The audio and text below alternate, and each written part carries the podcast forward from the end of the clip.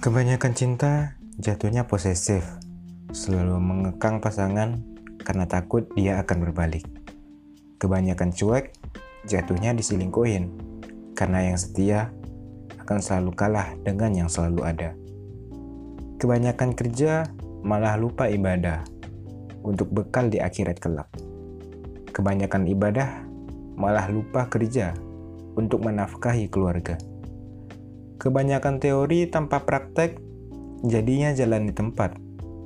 Kebanyakan praktek tanpa teori jadinya sering putar jalan. Apa pun yang berlebihan biasanya tidak akan mendatangkan hal yang positif bagi kita, malah akan dapat merugikan kita.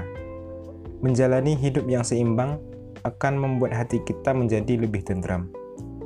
Bekerjalah kamu seolah-olah akan hidup di dunia selamanya namun, mesti diingat, beribadalah kamu seolah-olah akan mati esok harinya. Tanamlah biji yang ada di tangan, walau besok akan kiamat.